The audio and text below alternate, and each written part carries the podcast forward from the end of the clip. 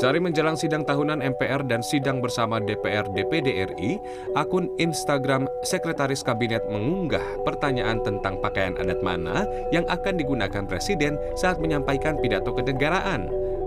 Ternyata ketika tiba di kawasan gedung MPR DPR Senin pagi, Presiden Jokowi mengenakan setelan berwarna hitam atau pangsi, pakaian khas masyarakat suku Baduy Banten, yang dipadukan dengan kain yang dililitkan di kepala atau disebut ikat.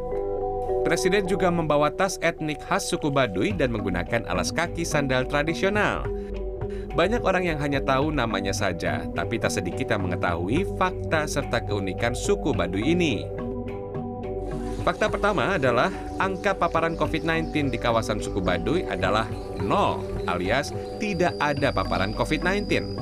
Kenapa? Masyarakat suku Baduy sangat patuh terhadap kata-kata tetua dan pemimpin adat pemerintah Kabupaten Lebak mensosialisasikan protokol kesehatan langsung ke tokoh masyarakat Baduy dan bisa ditebak warga sangat patuh terhadap larangan dan keputusan ketua adat. Terlebih lagi, di Baduy Dalam, warga tidak boleh keluar dari kawasan mereka serta tertutup bagi pendatang. Ada tiga lapisan di suku Baduy, yakni Baduy Dangka, Baduy Luar, dan Baduy Dalam. Warga Baduy Dangka sudah tinggal di luar tanah adat. Mereka tak lagi terikat oleh aturan atau kepercayaan Sunda Wiwitan yang dijunjung oleh suku Baduy.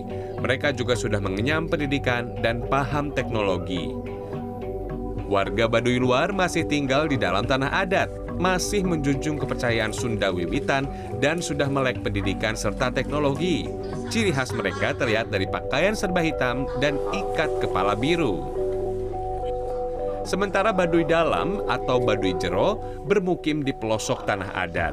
Pakaian mereka serba putih dengan kepercayaan Sunda Wiwitan yang masih kental. Warga Baduy Dalam tak mengenyam pendidikan dan menutup diri dari teknologi karena hidup apa adanya dirasa sebagai cara untuk tetap dekat dengan Yang Maha Esa. Eksistensi Baduy dalam dilindungi oleh Baduy Dangka dan Baduy luar.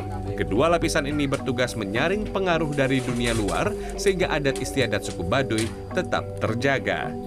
Tim Liputan CNN Indonesia